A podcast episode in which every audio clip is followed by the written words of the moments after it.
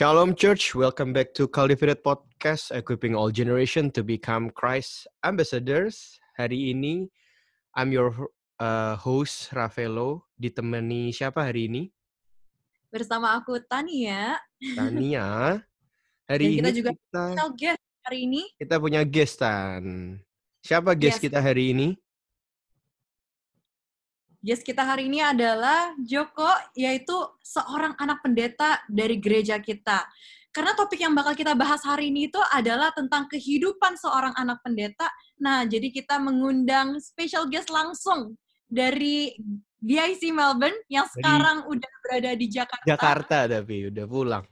Ya, udah for good. Sedih banget ya kita udah kehilangan Sedih, satu sedih. lagi teman Nah. kita di DIC. Kehilangan Halo Joko.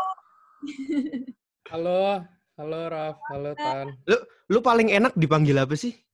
Hmm. Eh, bebas, Arthur lah Arthur, atau Joko juga boleh, bebas. Joko aja ya. Gue kayak kebiasaan panggil lu Joko deh. Silakan. Gimana kabarnya Joko? Baik, gue baru for good dari Melbourne kemarin Minggu 19 Juli, terus sekarang lagi karantina mandiri lah. Jadi belum ketemu Hmm. keluarga gue nanti eh, 10 hari lagi baru ketemu. Mantap, mantap. Semoga aman lah ya. Semoga Indonesia aman. Semoga lu juga sehat dan aman. Stay safe di Hmm, sana. Thank you, Iya, thank iya. you.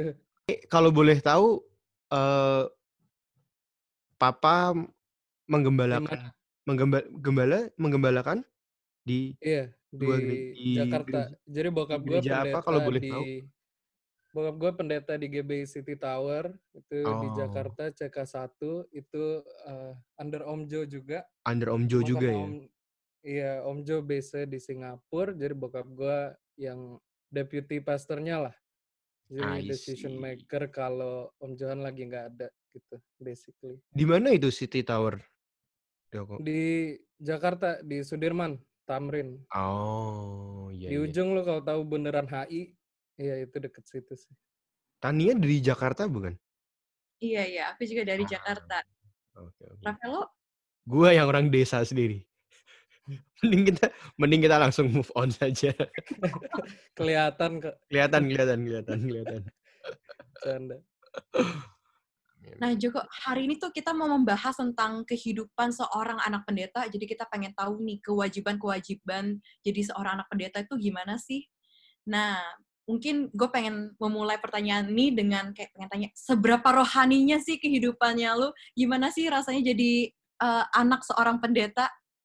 Ah, gimana sih kehidupan anak pendeta? Ya biasa aja sih, technically. Beneran kayak biasa aja, kayak sama aja kayak kehidupan orang lain gitu. Hmm, Orang lainnya yang mana nih? Seberapa rohaninya gitu? Jadi seorang anak Lu- pendeta. Lu tapi pas lahir bokap lu udah pendeta atau Pas lahir bokap gue, bentar, gue lahir 24 tahun. gue nggak inget kayak belum deh. Kayaknya belum. Cuma pas gue bertumbuh gede gitu, pokoknya udah? pas gue udah udah inget lah gitu, Heeh. udah udah pendeta. Mm. iya iya iya iya iya. Jadi eh, background keluarga emang semua pendeta. Kalau lu tahu keluarganya Om Jo itu tujuh bersaudara, semuanya pendeta kecuali nyokap gua. Nah nyokap Hmm. gua nggak mau nikah sama pendeta karena udah kan, udah udahlah pokoknya udah pendeta semua. Eh ketemu bokap gua di Jakarta eh, dulu bisnismen eh, di fashion, terus eh ternyata jadi pendeta juga gitu. Jadi ya mungkin panggilannya di situ ya. Oh tapi Dibilang kayak awalnya pun nggak mau jadi pendeta awalnya. Enggak, jadi awalnya bokap gue fashion, dia punya butik baju pesta, bergerak di Oh. situ lumayan lama. Heeh. Tapi setelah Hmm. menjadi pendeta, apakah bisnisnya masih jalan atau gimana? Masih, jadi habis jadi pendeta, eh, bisnisnya masih jalan, tapi mostly yang run nyokap gue. Bokap gue Hmm. jadi full timer, nyokap gue yang run bisnisnya, terus sekitar 5, 5-6 tahun lalu eh, kita decide buat tutup aja bisnisnya, nggak usah lah. Mami udah lebih fokus di gereja juga, waktunya banyak ke sana, jadi ngapain lagi gitu. I see, I see, I Mm-mm. see. Denger-denger bokap atau nyokap lu sih yang dari Jawa juga? Nyokap berarti ya? Yang dari Jawa, dua-dua, dua-duanya. Ya, Bokap orang gue dari Magelang. Bokap Oh. gue Magelang. Oh alah. Ya, ya. Nyokap gue dari Salatiga. Gedenya tapi di Makassar. Hmm. Oh, I see. Pindah I ke Jakarta. I see. Iya, terus pindah ke Jakarta dua-duanya. Hmm. I see, I see, I see. Nanti mungkin Hmm. Pastor Harry boleh isi-isi ke sini mungkin ya. ya kalau corona udah lewat ya. Siap, siap, siap, siap, siap, siap. Jadi kalau lu kayak bertumbuh besar di, eh, berarti gue bisa bilang bahwa, oh iya, lu secara background memang lahir dari keluarga Kristen gitu. Itu tapi kayak eh kalau boleh colek-colek dikit, orang tua strict nggak sih? Maksudnya kayak, oh ya kita harus banget misalnya mesbah keluarga bareng misalnya atau maksudnya lu tuh lu tuh bertumbuh apakah dengan kayak dari lu nya sendiri ya apakah ada dalam tanda kutip sedikit beban atau kayak enggak sih gue santai-santai aja So- soalnya ini ini kalau dari gue ya dulu waktu gue sebelum ke Australia kan gue juga punya beberapa temen yang eh, anaknya pendeta gitu kan Hmm. kalau kalau kalau dari guanya sendiri ya gue sih nggak pernah yang eh, personally ngobrol tapi kalau dari guanya sendiri gue ngelihatnya kayak wih wih wih anak pendeta nih anak pendeta kayak lo ngerti gak sih kayak ada suatu beban Beda padahal ya. bebannya bukan di gua loh tapi gua sendiri yang ngelihat dia tuh sebagai kayak wih kayak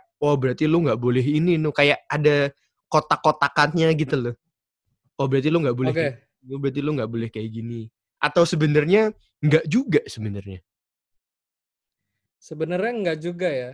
Eh banyak gue lumayan keren. Maksudnya kayak eh, mere- mereka nggak membebani gue sama sekali. Gue nggak merasa terbebani.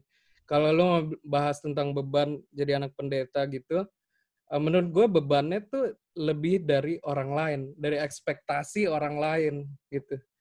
Banyak gue, menurut gue ekspektasinya normal-normal aja ke gue gitu loh. Kayak mereka didik, mereka arahin, mereka ngajarin tapi mereka nggak pernah maksa gitu. Nggak pernah maksa gue harus gini gini gini gue harus kayak gini gini gini gini gini biar gini gini gini. Enggak itu semuanya entirely eh, biar gue yang make the decision gitu. Biar gue yang ngalamin proses gue sendiri gitu.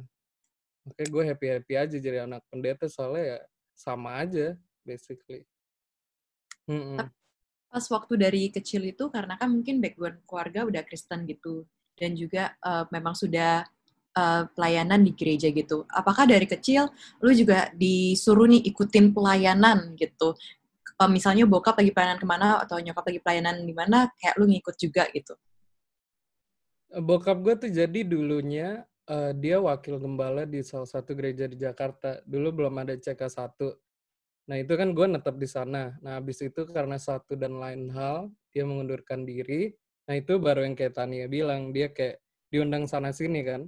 Diundang sana sini, gue gue ikut gitu. Gue ikut ke sana sini jadi jemaat aja gitu basically. Bahkan gue nggak gitu sering ikut Sunday school kalau di gereja lain gue lebih ikut kebaktian umum ya which is buat gue pribadi itu pengalaman yang berharga sih gue jadi bisa lihat gereja-gereja lain gimana tata cara ibadahnya gitu-gitu jadi Tapi itu oke Nah, terus yang tadi yang soal eh apakah harus pelayanan enggak gue nggak pernah dipaksa gue nggak pernah disuruh buat pelayanan jadi bokap gue tuh punya prinsip kalau sampai kamu masuk pelayanan itu karena kamu sendiri yang mau gitu.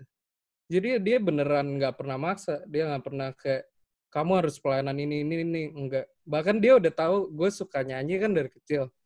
Dia udah Hmm. tahu itu dia nggak pernah nyuruh gue jadi WL gitu, singer, choir gitu. Enggak, bahkan pelayanan pertama gue yang gue pilih pribadi itu multimedia karena gue suka gitu kayak apa kayak menurut gue seru lah kayak ganti-ganti background lagu cepet lagu pelan terus ganti-ganti liriknya keluarin ayat gitu doang gitu Jadi per- pelayanan pertama lu tuh dulu di bagian multimedia. iya Habis baru agak besar sedikit baru akhirnya pelayanan uh, di mimbar untuk menjadi singer dan juga WL.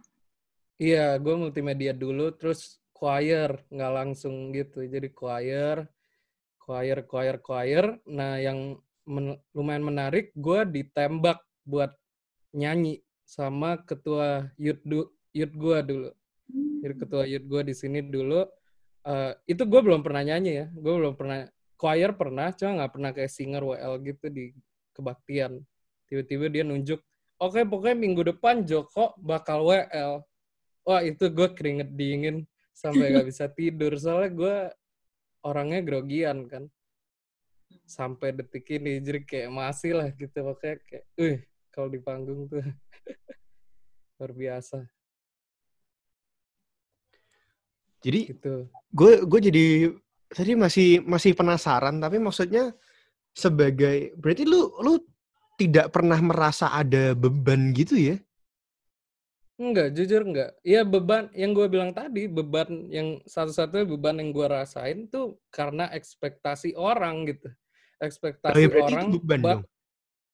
Iya, maksudnya bukan beban dari banyak gue ya, bukan beban dari banyak gue gitu dari orang lain oh. yang di dalam gereja gitu bahkan teman-teman gue yang di luar gereja gitu di sekolah atau di mana gue gak merasa beban sama sekali jadi anak pendeta mereka biasa aja malah menurut gue bebannya tuh dari orang di dalam gereja yang tahu gue anak pendeta iya iya iya ya. tapi nah. pernah punya cerita lucu nggak ya misalnya ya ih anaknya ini kok bajunya gini misal misal misal misalnya oh. ya atau misalnya kayak pernah sakit hati mungkin atau mungkin pernah pernah apa gitu pernah punya suatu oh gue sakit hati gue sakit hati pernah uh, di pelayanan sih cuma nggak ada hubungannya sama gak ada hubungan ah uh-huh.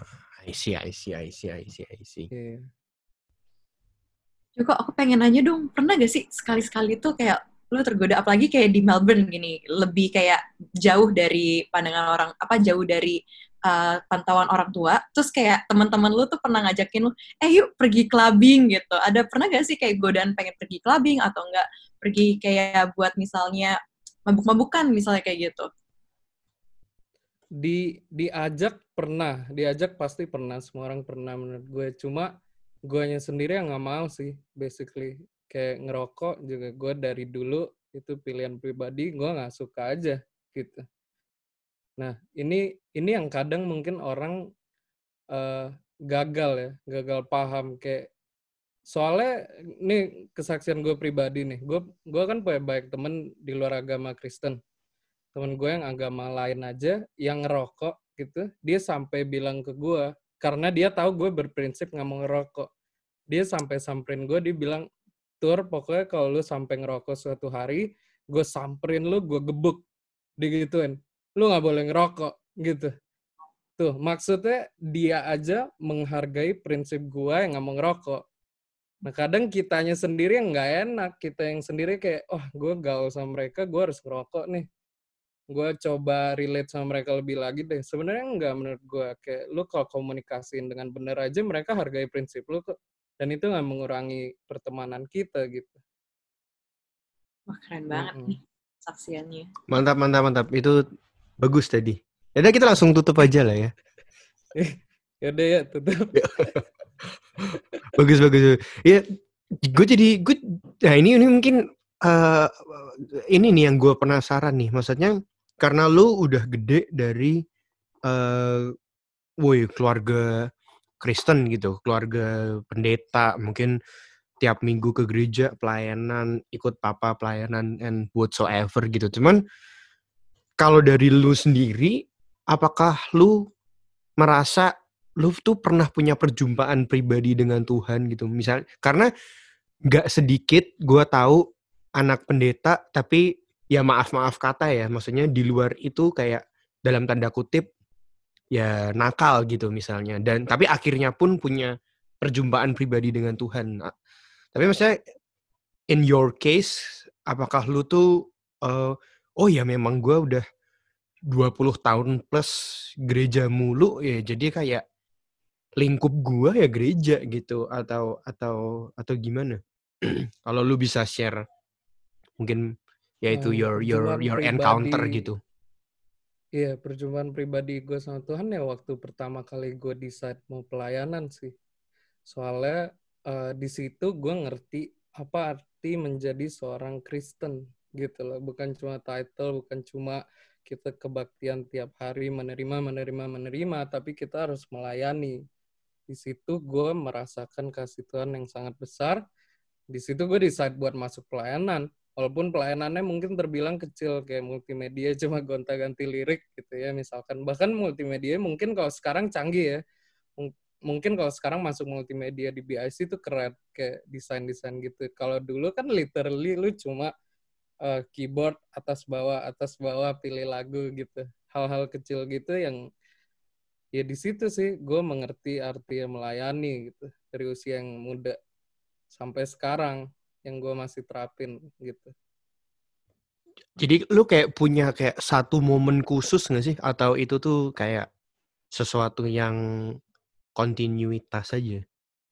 Iya, kalau ngomong momen khusus, uh, menurut gue itu proses sih, gitu. Jadi di setiap uh, proses gue kehidupan gue di dalam dan di luar gereja, di situ gue menemukan Tuhan, gitu aja.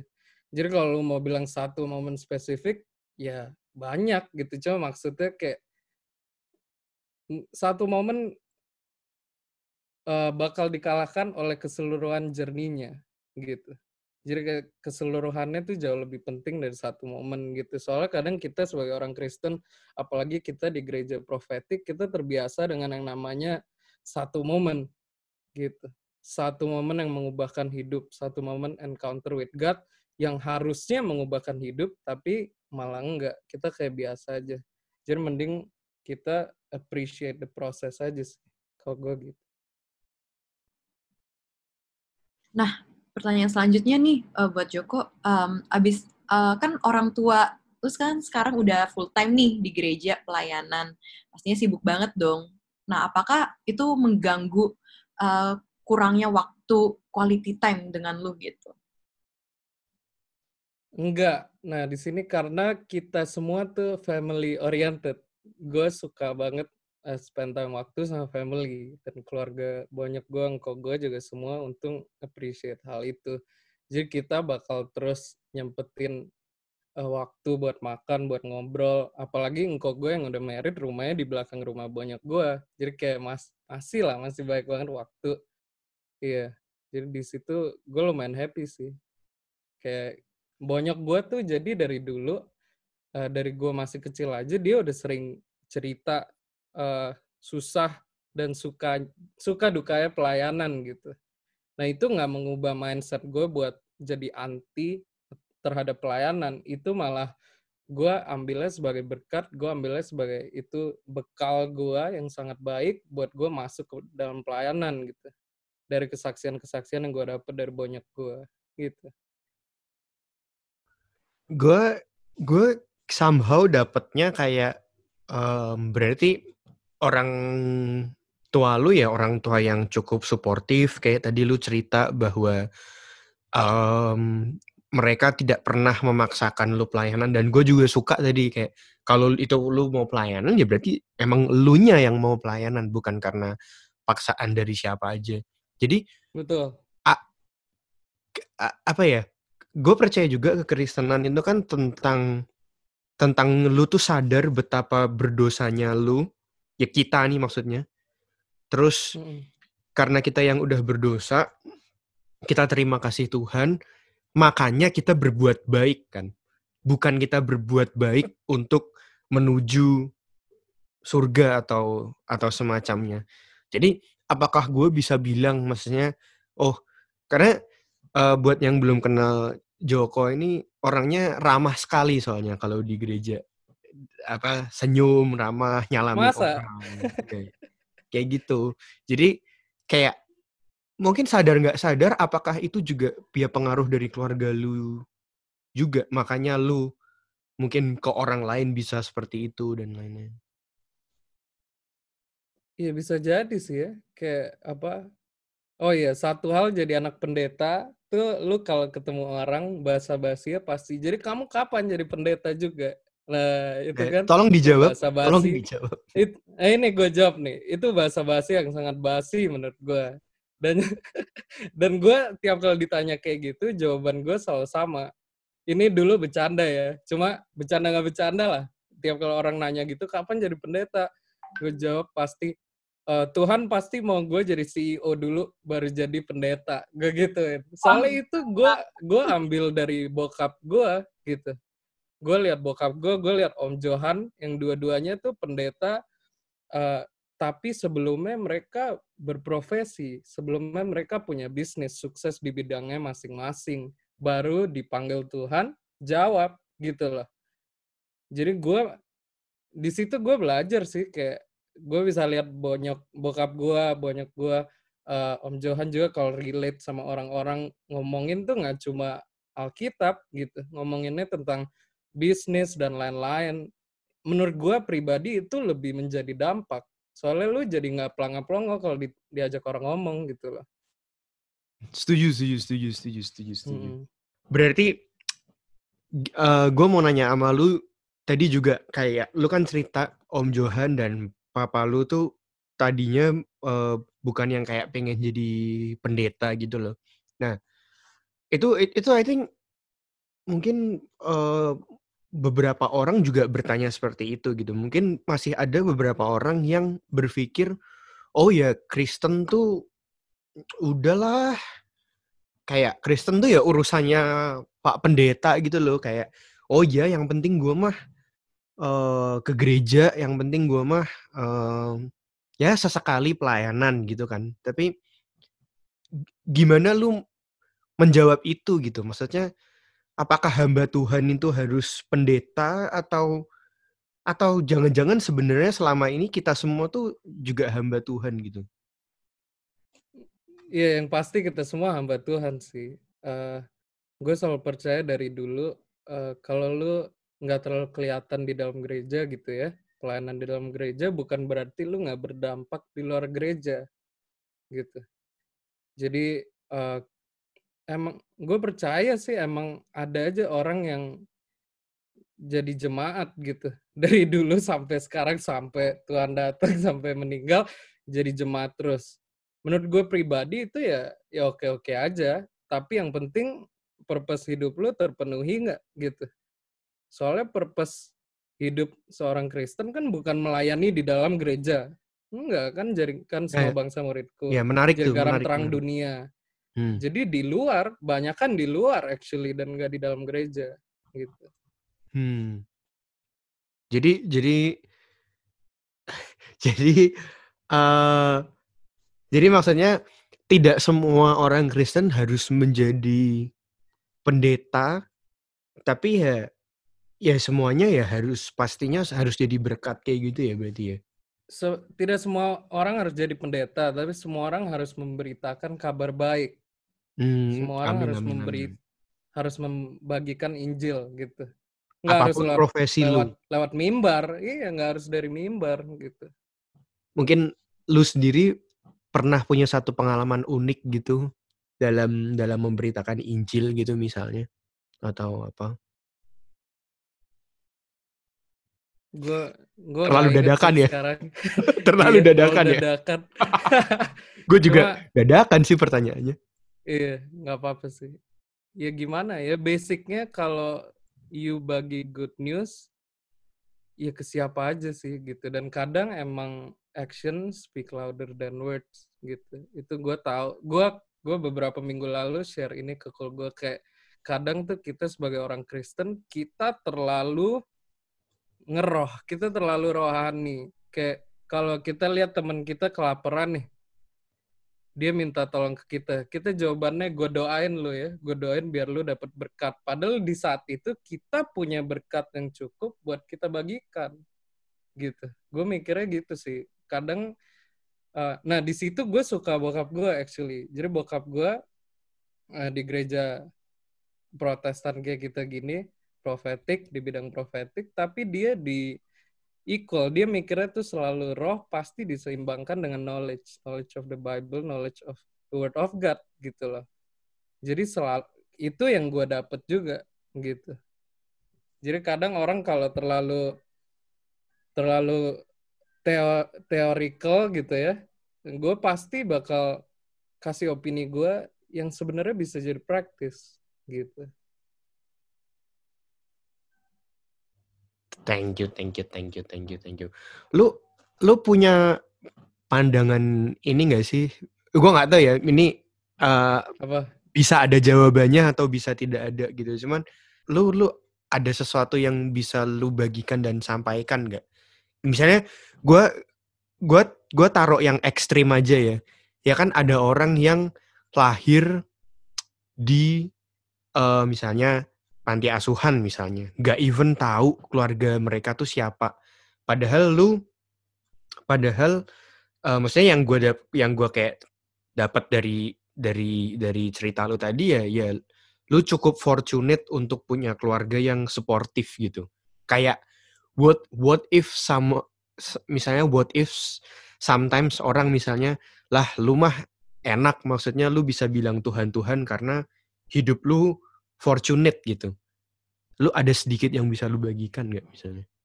Oh iya, iya gue sering, gue ser beberapa kali ada orang ngomong kayak gitu, kayak kalau lagi di call gitu ya, sharing gini gitu, kayak ya lu enak ngomongnya kan lu keluarga lengkap, kan lu gini gini gini gitu, damai gitu.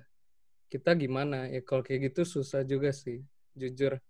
Uh, ya lu cuma harus gimana ya belajar bersyukur aja belajar bersyukur sih. It's it's a simple word gitu. It's a simple solution. Tapi it's not easy to be, to be applicated gitu.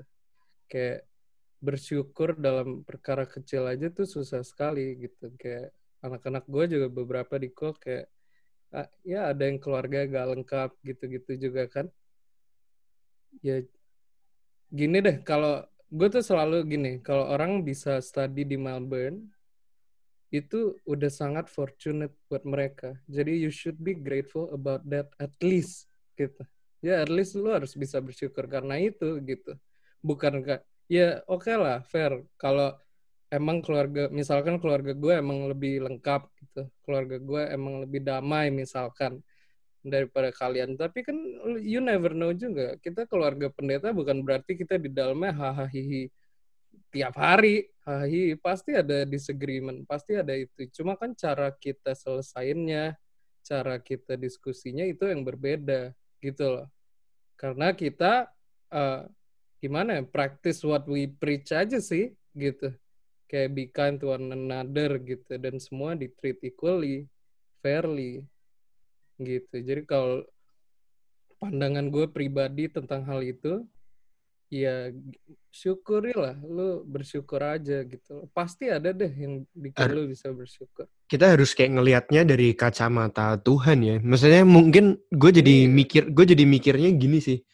Ya ibaratnya misalnya di hidup ini yang lu cari misalnya ya ini cuman ilustrasi doang. Misalnya yang lu cari duit gitu misalnya.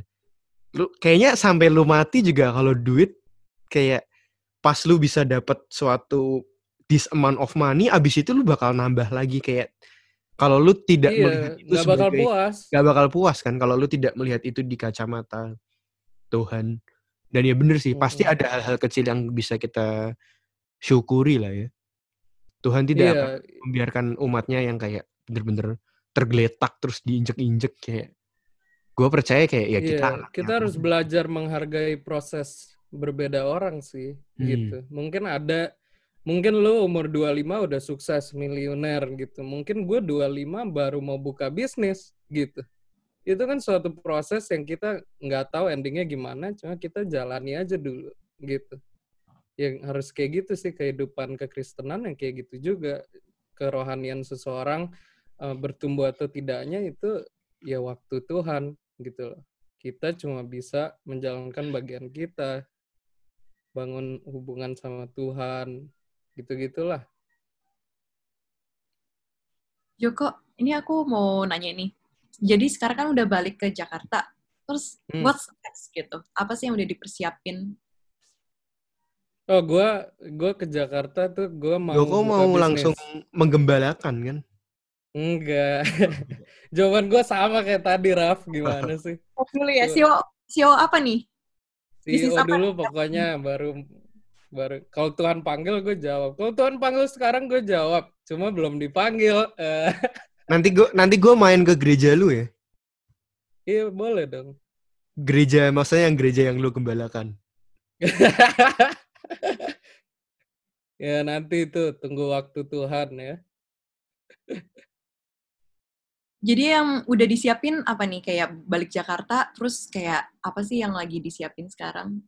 Oh itu gue gue mau bisnis tan. Jadi itu salah satu deal yang gue made with bokap gue juga. Kan bokap gue kayak pokoknya kamu habis kuliah harus kerja sama orang gini gini gini terus karirnya bagus gitu kayak nganjurin gitu kan kayak bi biasa lah uh, nasehat ayah gitu. Gue bilang oke okay, Cuma gue cuma mau dua tahun kerja sama orang. Habis itu gue mau bisnis sendiri. Apa pun itu, seberapa besar gaji gue sebelumnya, kayak misalkan gue ada earn berapa di Melbourne ini dua tahun kan, mau gue mulai lagi dari awal, please biarin gue lakukan itu. Karena gue pengen punya bisnis gue gitu. Udah, jadi ini gue pulang, ya habis karantina baru mulailah. Ini personal gue kepo aja.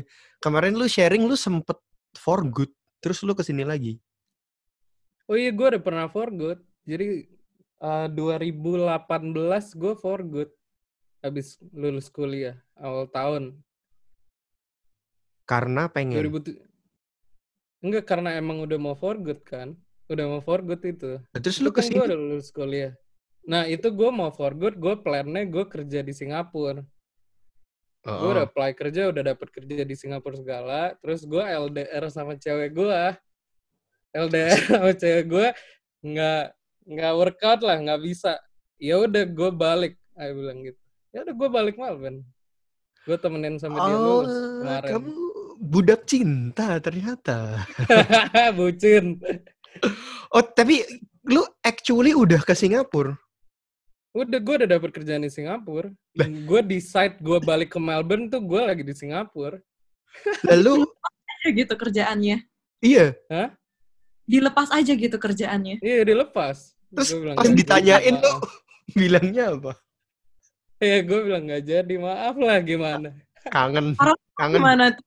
Agak kaget gak oh. orang tua? Enggak, orang tua fully support. Apa pun yang kamu mau ya udah gitu. Gue ngomong ke nyokap gue dulu sih kayak pas di Singapura kan jadi nyok gue terbang sama nyokap gue tuh jadi pas di Singapurnya gue kayak Emi eh, kayaknya udah mau balik ke Melbourne ya udah dia langsung dia bahkan nggak nanya alasannya itu keren banget dia nggak nanya alasannya ya udah nggak apa-apa kamu bilang ke itulah ada kode kok siapa yang kenalin kerjaan itu nggak jadi gitu-gitu ya udah Cuman berarti lu ke sini TR ya kemarin itu berarti yang yang Gue TR kemarin. Yang ken oh alah. Saya okay. pikir saya pikir ada sharing rohani. Ternyata enggak lah, ya itu enggak semua harus rohani lah. Orang expect kalau ngobrol sama anak pendeta dapetnya rohani-rohani terus kan enggak lah. Iya iya iya iya iya iya iya iya. iya. Maksudnya kayak Iya, kayak biasa aja gitu. Oke nih, buat Joko, buat terakhir ada gak sih pesan penutup buat para pendengar Cultivated Podcast, buat teman-teman kita, baik yang di Melbourne, di Jakarta, ataupun yang di mana pun yang mendengarkan podcast ini? Pesan penutup, uh, ya udah apa ya, uh, kita lagi di tengah pandemi ini, tentu kita semua sekarang jadi lebih nganggur, lebih banyak waktu. Yuk kita sama-sama pakai waktu itu untuk melakukan hal yang lebih baik gitu spend time waktu lebih sama Tuhan saat teduh, spend time waktu sama keluarga juga kalau yang sering sibuk yang nggak pernah apalagi yang di Melbourne tuh yang nggak pernah telepon orang tuanya yuk sempetin waktu seminggu sekali deh saya quit dari tua, podcast ini dulu ya merasa tersindir lanjutkan lanjutkan udah oh udah sih gitu aja sama mungkin terakhir boleh nih dikasih kayak ada gak sih ayat Alkitab yang favorit? First yang favorit dari Alkitab. Terakhir terus ya, Tan? Oh, iya. bercanda, bercanda. Parah ayat lu, favorit goda, gua, parah lu godain Tania lu, parah lu. sorry sorry. Ayat favorit gue dari dulu tidak pernah berubah, yaitu Yeremia 29:11. Bah, sama bro, bisa tos nggak di Zoom? Sama sama. Oh, bisa kan? Nih, Tos. bentar. Eh, nggak bisa, nggak ada. Nggak bisa bro, gue ingetnya ada tos. Ada bro. Nih, tos, tos. Sama sama sama. Udah tau ayatnya kan? Anak-anak BIC kan udah. hafal ayat. Bacain Nih, aja. gue bacain. gue bacain. Yeremia 29:11 sebab aku ini mengetahui rancangan-rancangan apa yang ada padaku mengenai kamu. Demikianlah firman Tuhan, yaitu rancangan damai sejahtera dan bukan rancangan kecelakaan untuk memberikan kepadamu hari depan yang penuh harapan. Itu ayat pegangan banget sih buat gue. Kenapa? Semoga buat Kenapa? semua orang. Ya, apalagi di situasi kayak gini yang banyak ketidakpastian gitu. Ya kita cuma bisa percaya bahwa semua itu dari Tuhan pasti ada tujuannya yang terbaik dan ya itu kita harus bisa cari kedamaian itu dan percaya bahwa hari depan pasti indah gitu. Amin. Amin.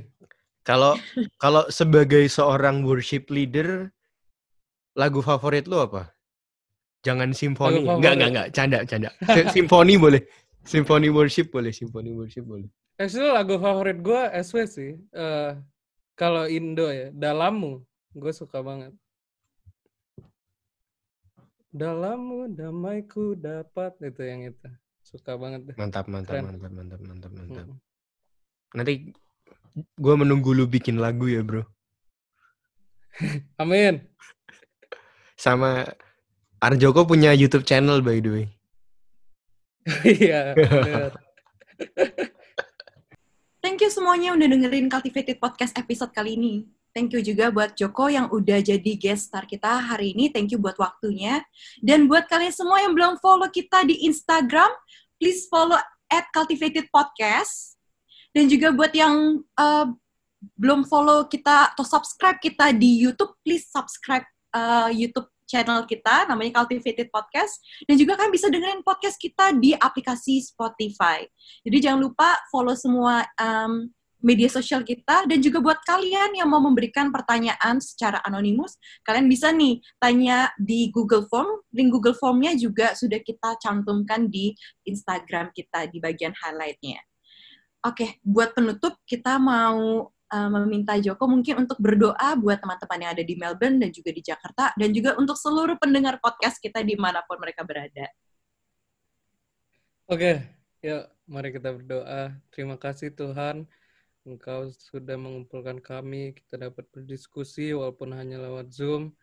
Kami berdoa untuk semua orang yang ada di Melbourne, Indonesia, di mana pun mereka berada, buat semua yang lagi dengerin podcast ini Tuhan, berikan mereka semua kedamaian, berikan mereka semua hati yang tenang dalam menghadapi pandemi ini. Kita tahu di, di hari-hari ini banyak ketidakpastian, tapi satu hal yang kita tahu pasti itu kasih Tuhan tidak pernah habis untuk setiap kami. Terima kasih Tuhan. Biar di hari-hari ini yang kita makin banyak waktu kosong, kita dapat merasakan lebih lagi kasih dari Engkau. Terima kasih dalam nama Yesus kami berdoa. Amin. Amin. Terima kasih. Arthur Jonathan. Nanti kita semoga lu bisa main-main ke sini lagi dan bisa nanti kita bisa bertemu dan ya begitu. Baik-baik ya di Jakarta. Thank you. Kalian juga baik-baik ya di Melbourne. Thank you. Bye-bye semua. Bye. Bye-bye. Dadah. Bye. Terima kasih sudah mendengarkan podcast kami. Share podcast ini kalau menurut kalian memberkati. Cultivated Podcast tersedia di Spotify dan YouTube. Dan kalian bisa cek juga Instagram kita di cultivated.podcast. Terima kasih.